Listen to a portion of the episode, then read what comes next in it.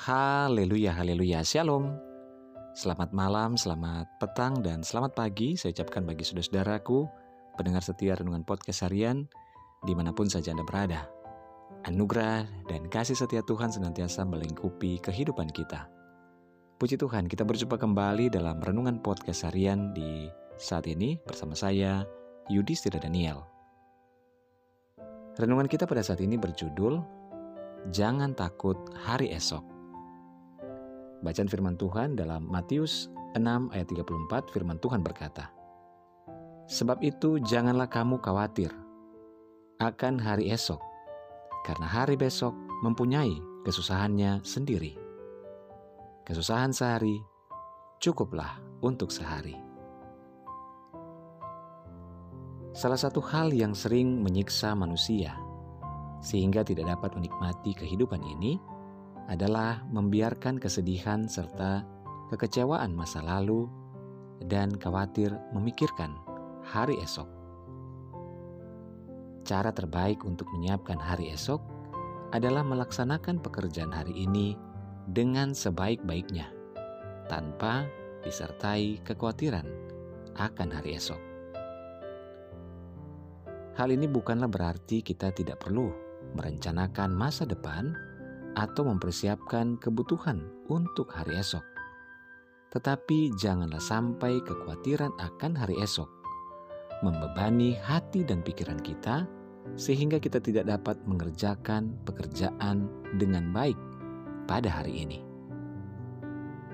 Karena beban ini, atau karena beban hari ini, jika ditambah dengan beban hari esok, maka akan lebih memberatkan Selain itu juga, jangan sampai beban masa lalu berupa kekecewaan, kesedihan, kegagalan, kerugian, dan hal-hal yang tidak mengenakan itu terus bertengger dalam benak kita. Karena kalau kita terus terpenjara oleh bad memory tersebut, maka beban itu akan bertambah berat. Saudara kita memang tidak bisa mengubah masa lalu, tetapi kita bisa mengacaukan keindahan hari ini dengan khawatir akan hari esok. Serahkanlah seluruh keberanian hidup kita kepada Tuhan, percayalah kepadanya, maka ia akan bertindak. Mari kita berdoa. Tuhan Yesus terima kasih buat firman Tuhan pada saat ini.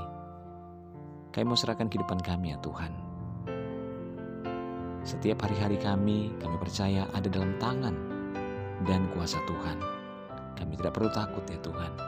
Terima kasih Tuhan Yesus saat ini kami berdoa buat saudara-saudara kami pendengar renungan podcast harian ini di mana pun saja berada. Baik yang ada di Indonesia dan juga yang ada di luar negeri, di mancanegara.